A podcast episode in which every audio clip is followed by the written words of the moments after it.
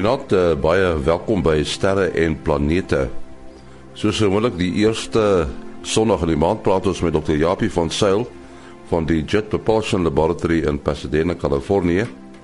Ons het ook vir uh, professor Mati Hofman van die Universiteit van die Vrystaat, die Boden Sterrewag en die digitale planetarium by ons. En natuurlik praat ons met Kobus Olkers oor die son se weer. Maar eers ruimte nuus wat geskryf is deur Herman Torin in Bloemfontein. So wat 80 topleerlinge van Sekunda is van gister 4 Oktober af deel van 'n projek wat tydens twee weerballonne van Vryburg af gelanseer is as simulasie van die lansering van 'n satelliet, sê die Suid-Afrikaanse Nasionale Ruimteagentskap in 'n verklaring. Dit maak deel uit van die viering van 'n Wêreldruimteweek en is 'n gesamentlike projek van SANSA en die Sekunda Radio Amateurklub.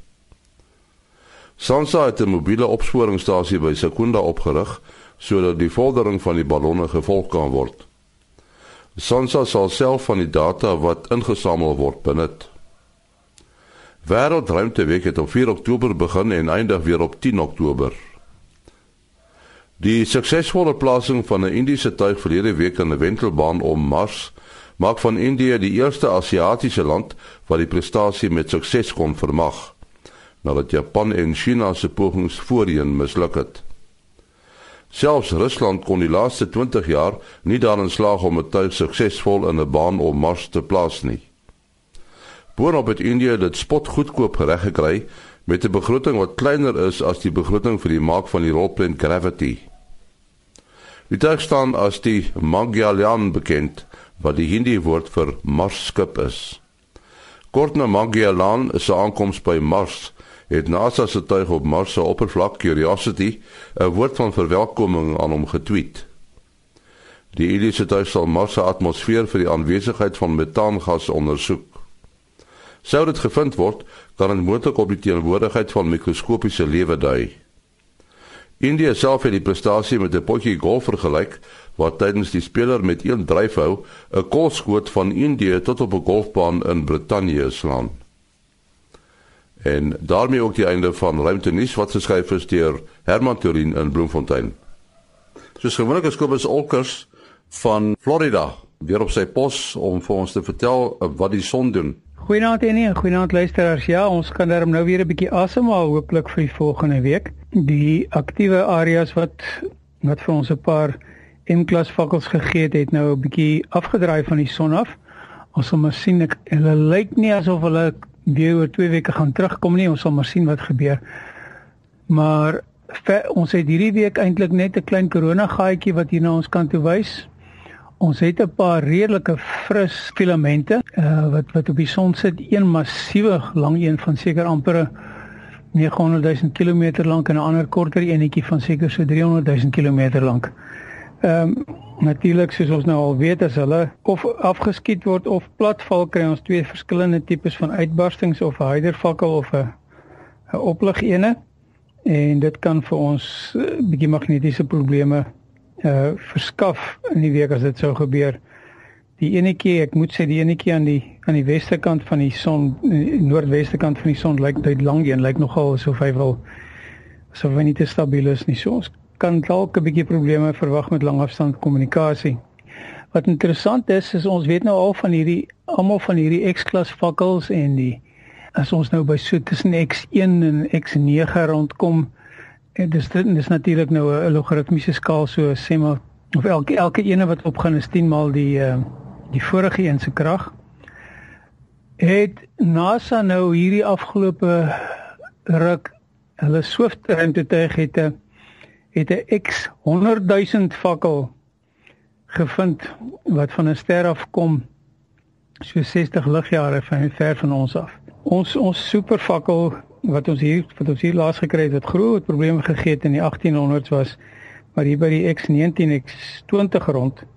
En wat sou 'n X 100 000 fakkel vir ons gedoen het? Ek vra maar net, ons kan net bywees ons is nie daar nie. Ja, ons keling sou gebraai het. Nogal. Goed kom as jy besonderhede. Dit is uh Kobus Olkers by gmail.com k o b u s o l c k e r s by gmail.com. Baie dankie Kobus Olkers in Florida daar in Amerika. Ja, die eerste Sondag in die maand praat ons uh, met uh, Dr. Japie van Sail van JPL, die Jet Propulsion Laboratory daar in Pasadena, Kalifornië en uh, Mati Hofman, professor Mati Hofman van die Universiteit van die Vrystaat, die Digitale Planetarium en die Boyden Sterrewag.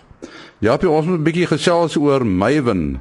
Dit is nou die die tuig wat om om Mars wentel ehm um, uh, wat is die doel van Maven presies? Die uh, die doel van hierdie sending is spesifiek om te probeer uit ehm um, vind wat het van met Mars se atmosfeer gebeur.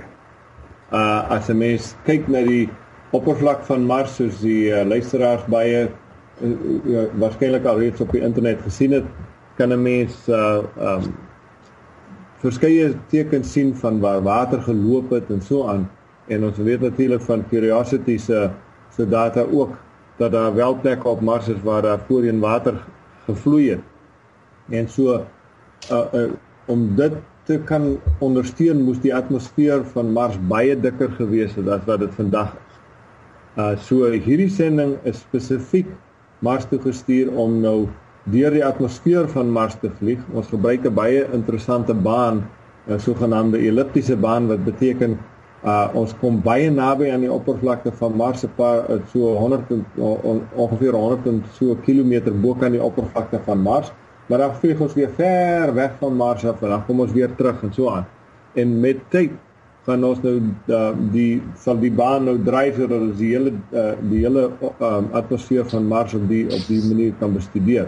Soos wat ons dan in die atmosfeer invlieg as ons so nader kom na die oppervlakte van Mars dan vlieg mense natuurlik nou deur die atmosfeer kan jy nou die profiele meet van verskillende gasse en die hele doel is om te probeer vasstel wat is daar die um samestelling van die atmosfeer op Mars vandag en hoe is uh, is hierdie atmosfeer hoe werk dit teen die um die sogenaamde solar wind, die sonwind, die wind wat van die son afwaai, hoe werk hulle met mekaar saam en hoe hoe wat gebeur? Waarom word daar dele van die atmosfeer stadig maar seker uit uit Mars se atmosfeer uit weggevat? So dis spesifieke atmosfeer um atmosferiese me metingsending hierdie.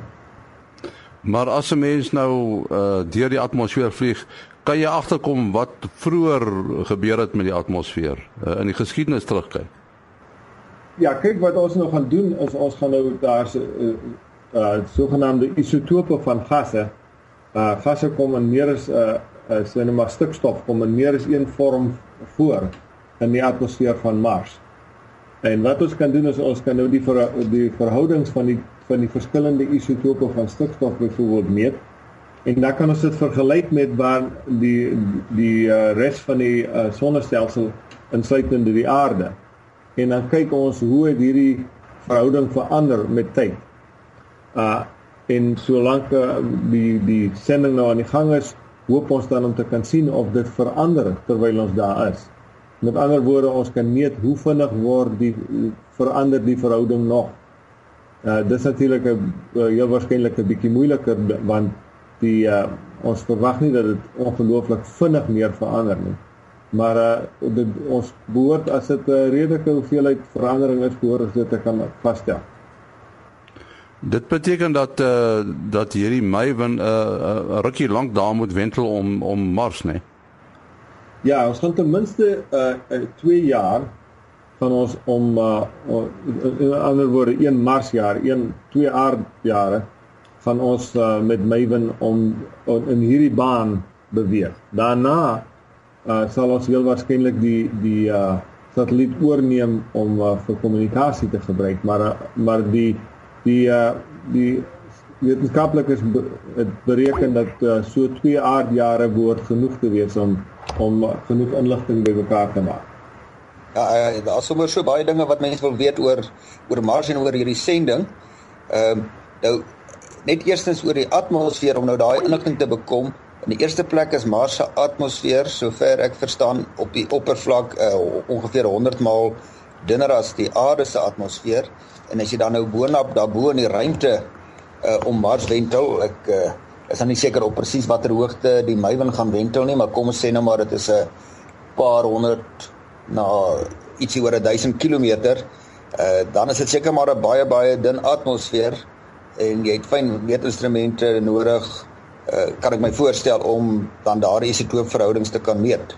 Ja nee, kyk dit is dit is dis baie waar. Die uh laagste wat uh wat uh Maven in die in die atmosfeer sal dip sal ek maar sê is so ongeveer 100 uh na na 100 km.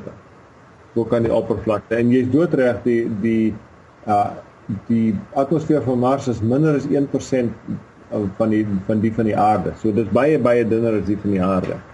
Uh ja, hulle moes natuurlik baie baie fyn uh baie sensitiewe instrumente um gebou het en hulle het nog al 'n hele groot uh, hoeveelheid instrumente wat op die uh, sending vlieg om nou al hierdie metings mee te doen. Uh, hy gaan nou so 2 aardjare gaan hy daar leef en jy sê dan word hy nou oorgeneem as 'n kommunikasiesatelliet. Hoeveel satelliete wentel nou om Mars? Uh op die oomblik is daar um twee van uh, Amerika maar hulle is al raak gaan al redelik oud raak. Die een het in 2001 al daar aangekom en die ander een in 2004 of 6 as ek reg onthou. So hulle raak nou al 'n bietjie oud. Hulle uh, is die twee wat ons die meeste gebruik om te kommunikeer met ons rovers op die op die oppervlakte en so aan. Daar's 'n derde ene van die Europese uh, ruimteagentskap uh, wat uh, Mars Express genoem word die het ook al in 2003 daar aangekom. So ons werk nou maar almal so met mekaar saam om om die satelliete te gebruik vir kommunikasie. Maar soos jy kan sien, almal van hulle raak al 'n bietjie oud. Nou Maven het nou daar aangekom en Maven het dieselfde uh radio's aan boord. Uh JPL het uh, dieselfde radio's wat ons gebou het vir vir die vorige satelliete vir hierdie ouens gegee om op die satelliet te vlieg. So hy behoort presies dieselfde kommunikasie te kan verskaf. Die enigste verskil is sy baan is natuurlik heel wat anderster. Die ander satelliete is in sogenaamde sirkulêre bane. So hulle vlieg is uh, ongeveer 'n vaste hoogte bo kan die oppervlakte uh, al die tyd. So as ons nou Maven wil gebruik dan as 'n kommunikasiesatelliet sal na die 2 jaar wanneer hulle nou die uh, hulle metings klaar gedoen het sal ons dan die die uh, satelliet uh, se baan verander deur van sy uh, sy uh, thrusters te gebruik sal ons die baan verander in 'n sirkulêre baan. So dit gaan 'n hele paar maande vat om dit te doen, maar maar daarna kan ons dan as 'n kommunikasiesatelliet gebruik. Daar's natuurlik nou nog 'n uh, ander satelliet op uh, op pad wat uh, die Woensdag die wat is die 24ste September uh, uh kom die Indiese satelliet daaraan uh en uh die sal dan hopelik ook in in die baan gaan. Um as hulle dit reg kry sal hulle die eerste dit sal dit 'n groot um groot stap vorentoe vir hulle ruimte wat uh, ja, baie se toevallig dat die twee satelliete omtrent dieselfde tyd daar aankom. Is daar 'n goeie rede daarvoor? Nee, dit is maar toevallig. Ja, kyk, mense te, uh, met hierdie soort van um uh sendings na uh, na ander planete soos Mars toe moet jy die satelliet van die aarde af lanseer soort van in die rigting van waar Mars sal wees en dan soos wat Mars in sy wentelbaan gaan en die satelliet dan uit mekaar uittrek na buitekant toe dan soort van uh kom hulle by mekaar op 'n sekere tyd. Nou daar's net ongeveer so 20 na 30 dae elke uh ongeveer 2 jaar wat ons uh so sogenaamde launch window het, so 'n venster in tyd waar ons hulle kan lanseer en albei van hierdie is nou net in daai spesifieke venster gelanseer. So dit dan kom hulle min of meer dieselfde tyd by Mars aan. Dis maar toevallig. Uh, ja, op nou verwys na die na die baan uh bane van die satelliet. Uh maar nou ek het nou 'n mooi diagram gesien. Dit lyk my altyd na baie interessante onderneming om hierdie bane te moet uitwerk. Uh maar nou sien ek uh dit is nou op die Facebook bladsy van Maven dat hulle het nou eers die tuig in 'n sogenaamde capture orbit gesit en dan hmm. gaan hy in 'n ander baan met 'n 5.5 uur uh periode en uiteindelik gaan hy in die sogenaamde science orbit. Uh kyk hulle nou maar eers die kat uit die boom uit. Hoekom word dit nou so in 3 stappe gedoen? Is dit tipies wat vir sulke sendinge gedoen word?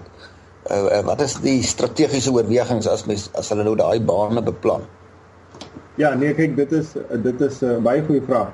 Uh, as 'n mens die uh, die die in die baan sal ek maar sê in 'n baan gaan om so 'n planeet. Die manier waarop jy dit moet doen, as jy met die die satelliet um soort van 'n bietjie rem, jy moet hom stadiger laat gaan. Kyk, ons kom met 'n redelike groot spoed daar by Mars verby, né? En nou moet jy die satelliet die regte snelheid hê sodat uh die die satelliet se se kinetiese energie. Soos omdat hy beweeg uh, die swaartekrag van Mars uh min of meer kanselleer maar nie heeltemal. So uh as jy as jy te stadig gaan dan gaan jy op die oppervlakte val. En as jy te vinnig gaan dan gaan jy verbyvlieg so dis 'n baie baie uh uh akkurate berekening wat 'n mens moet maak. En dan wat gebeur is die swaartekrag vang jou soort van sal ek maar sê. En dan uh nou as jy dit die eerste maal doen al wat jy probeer daar doen is om net gevang te word sodat jy nie wegvlieg weer nie. Maar nie so so kwai gevang word dat jy op die altvlakte val nie. So daarna dan gebruik ons dan die die uh, brandstof aan die op die satelliet om nou die spoed te verstel. Dis hoe 'n mens die baan verander. Jy verstel die spoed van die satelliete bietjie. So dit vat 'n hele paar um bane keer kere wat jy om die die die uh, planeet selfde ding vir die aarde om die planeet wentel voordat jy die baan nou die regte baan kry want jy moet nou maar bietjie rem en bietjie vet gee en so aan totdat die baan nou uh, in die regte posisie is. En dis waarom dit 'n rukkie vat. Uh dit hang nou af of as 'n mens genoeg brandstof het, dan kan jy dit redelik vinnig maak, maar brandstof is natuurlik baie swaar. So wat ons op Mars doen byvoorbeeld is ons gebruik twee dinge. Eers eerstens ons gebruik die atmosfeer homself om ons te versta uh, om ons te rem sal ek maar sê die die sogenaamde drag in die atmosfeer uh laat die satelliet stadiger gaan en uh, dan gebruik ons 'n bietjie brandstof ook. Maar dit is 'n bietjie stadiger proses want uh ook as, as soos ek sê die brandstof is swaar en mens kan nie genoeg brandstof saamvat om sommer net daar aan te kom en jy nou vreeslik te rem en te versnel en te keer te gaan nie. So nou moet jy maar klein stappies vat. So aanvanklik probeer ons nou maar net gevang word en daarna doen ons wat ons noem trimming die orbit. So jy probeer nou maar die die baan op sy regte manier kry dan. Uh, uh ja, ek sou baie nuuskierig oor hoe lyk die uh, die span, uh, hoe sy saamgestel wat nou hierdie beplanning doen? Is dit nou 'n wiskundige of 'n fisikus wat daardie baanberekeninge uh gaan doen om te sê wel, hoeveel moet jy nou vinniger of stadiger laat gaan? Uh, hoe werk die wisselwerking tussen die verskillende dissiplines en die ingenieurs? Die ingenieurs moet nou sorg dat daardie uh daardie tuig nou werk soos wat hy moet werk, maar iemand moet die berekeninge doen. Ja, nee, kyk ons het natuurlik 'n uh, uh, by JPL het ons 'n ongelooflike span uh navigators en die manne is wiskunde en fisika is dit is die twee groot um die groot dissiplines sal ek maar sê wat da, wat ons daar gebruik. Uh hierdie ouens kan ongelooflik fyn vir jou bereken. Hulle neem selfs in ag uh goed soos die veranderinge in die digtheid van die atmosfeer op Mars van dag tot dag. Um dis ongelooflik hoe hulle dit doen. Uh en dan bereken hulle nou die goed baie fyn en dan moet natuurlik die ingenieurs moet dan uh hulle bereken hoe vinnig die satelliet moet gaan en dan moet die ingenieurs uh, bereken gebaseer op die drag van die atmosfeer en daai soort van goeder hoeveel moet hulle om uh uh sal ek maar sê hoeveel moet hulle van die brandstof gebruik uh die sogenaamde burns wat ons doen wat hulle noem burns op die op die uh engines hoe lank gaan jy die engine aansit om die om die ding te vers, uh, ja, stadiger te laat gaan en so aan. Daai aanskakel van die engines is 'n tipies in die orde van sekondes of dink mense in terme van minute. Die die uh, sogenaamde orbit insertion, die eerste ene wat jy doen. Dit dit is tipies 'n paar minute wat 'n mens die engines aansit. Uh dit kan so lank soos 20 of 30 minute wees afhangende van watter uh, uh planeet dit is wat ons omgaan en soms is dit so kort as 5 of 6 minute. Maar dan die sogenaamde trim uh manoeuvres, hulle is baie keer net uh so 20 of 30 sekondes wat 'n mens die die uh engine moet aansit. So jy kan dink hoe fyn moet dit bereken word. Ja. En dan moet jy natuurlik nou bytel die feit dat uh jy moet dan daarna natuurlik die satelliet baie baie fyn dophou. So ons gebruik die groot antennes hier op die aarde uh om die uh, uh satelliet dan dop te hou om te sien presies hoe die die baan verander sodat jy kan uitwerk of jy wel genoeg die die ehm um, die brandstof gebruik het en so aan. En natuurlik uh, moet mense gedagte hou die sein neem 'n rukkie om op Mars uit te kom, né? Nee? Ja, natuurlik. Uh, die sein vat ongeveer 14 minute. Dit hang natuurlik af waar Mars Mars is in sy baan uh, uh, relatief tot die aarde, maar dit kan soveel as 14 tot 20 minute vat uh vir die sein om daar uit te kom en dan daarna kan jy nou eers begin sien wat aangaan. Maar ek moet sê ons kan so fyn uh die die die satelliete so fyn uh trek van die aarde af met hierdie groot antennes dit tipies wat jy kan sien jy kan sien hoe die momentum van die satelliet verander sodra jy die engines aansit. So dis hoe ons weet dat uh, dat die ehm um, dat die dat die burn wel gebeur dat die dat die engine wel aangeskakel is. Jy kan dit jy kan dit sien van die aarde.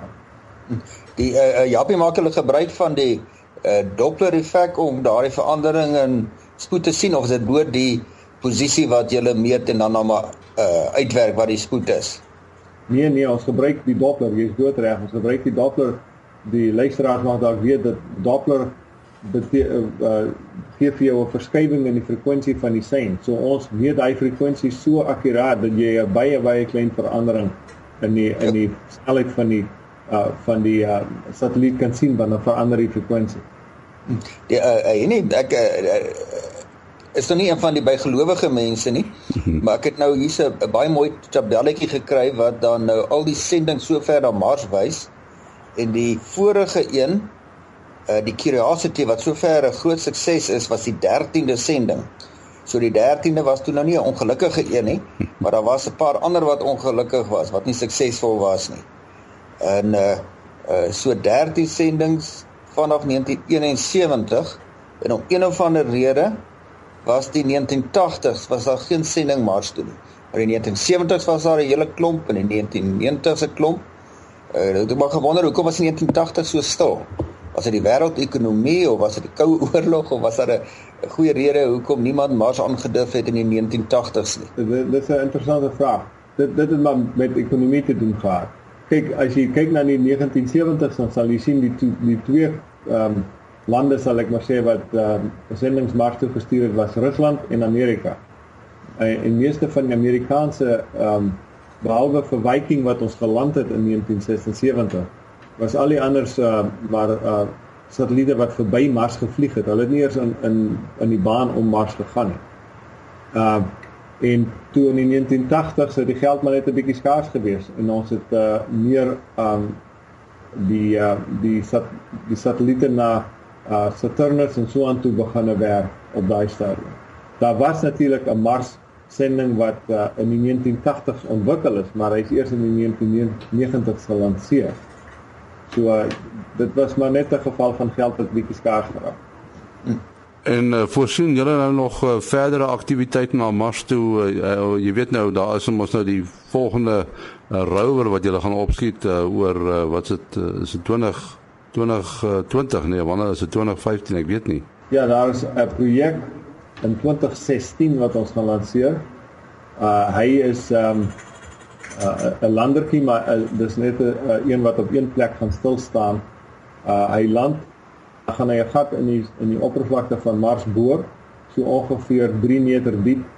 Ja. En uh en uh, hy gaan uh, ook um seismometers en so aan hê om te kyk of daar ehm um, die die selfde goed as aardbewings op Mars gebeur. En die gat wat ons gaan boor het 'n uh, spesiale ehm um, uh toerusting in wat kan meet hoe die hitte uit die oppervlakte van Mars uitkom teen watter ehm um, ehm um, tempo kom die hitte uit die oppervlakte van Mars uit. So dit is hierdie is die sogenaamde uh InSight mission dit gaan alles omtrent om te probeer vasstel of Mars 'n soliede kern het en uh, hoe vinnig die die die hitte uit die kern uit uitkom. Ja, en nee, ek wonder nou of hulle nie 'n waterwyser moet probeer kry om vir hulle te sê waar hulle moet boor nie. Dan kry hulle dalk uh, 'n uh, stewige fontein daarso. ja, dit sal nog 'n interessante ding wees as ons 'n bietjie water kry daar. Julle werk nie saam met die Indiërs nie met met hierdie ander uh, een wat daar aangekom het nie. Nee, ons werk uh, ons het nie saamgewerk in die sin dat ons deel van hulle satelliet gebou het nie, maar ons het vir hulle die uh, navigasie gedoen en ons doen natuurlik die kommunikasie vir hulle ook uh, as hulle nou uh, in in hulle baan moet ingaan. Maar die bevele word natuurlik uit Indië gegee. Die bevele ons ja, die bevele word uit Indië gegee. Ons doen vir hulle die berekenings en dan gee ons vir hulle die die berekenings en sê uh stuur nou hierdie bevele na julle na julle satelliet toe om hom in in die baan in Mars te sit. Hulle het natuurlik hulle engines getoets. Um ook hierdie die afgelope naweek alles lyk goed. Dis die eerste keer sedert hom gelanseer het wat die engines aangesit het en alles lyk goed. En uh, hierdie hierdie metode wat jy van praat, is dit almal hydrosien wat hulle gebruik of wat is dit? Ja, dis meestal hydrosien wat ons gebruik, ja. Ho hoekom hydrosien?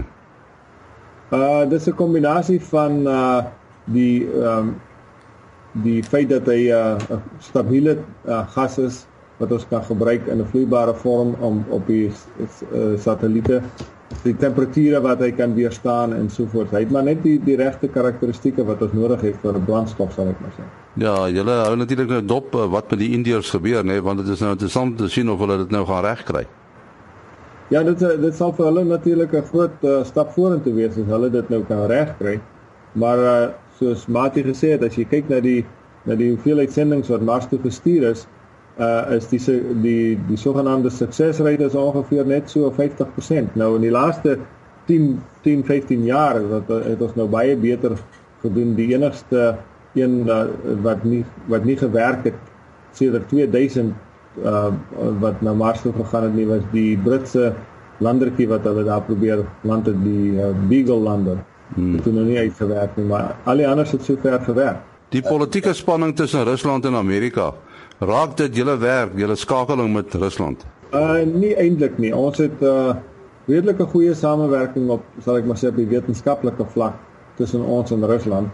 Maar dis natuurlik 'n aansporing vir Amerikaanse um industrie om uh weer 'n bietjie uh die die uh, sal ek maar sê die die poging in te sit sodat ons ons ons eie astronauts kan kan lanseer en so aan so SpaceX en die aan daai soort van maatskappye en Boeing en so aan werk nou baie hard om hulle eie um stelsels te ontwikkel sodat ons ons eie eie uh, astronauts kan lanseer in die toekoms. So dis eintlik uh, is in 'n sekere mate is dit 'n goeie ding vir ons.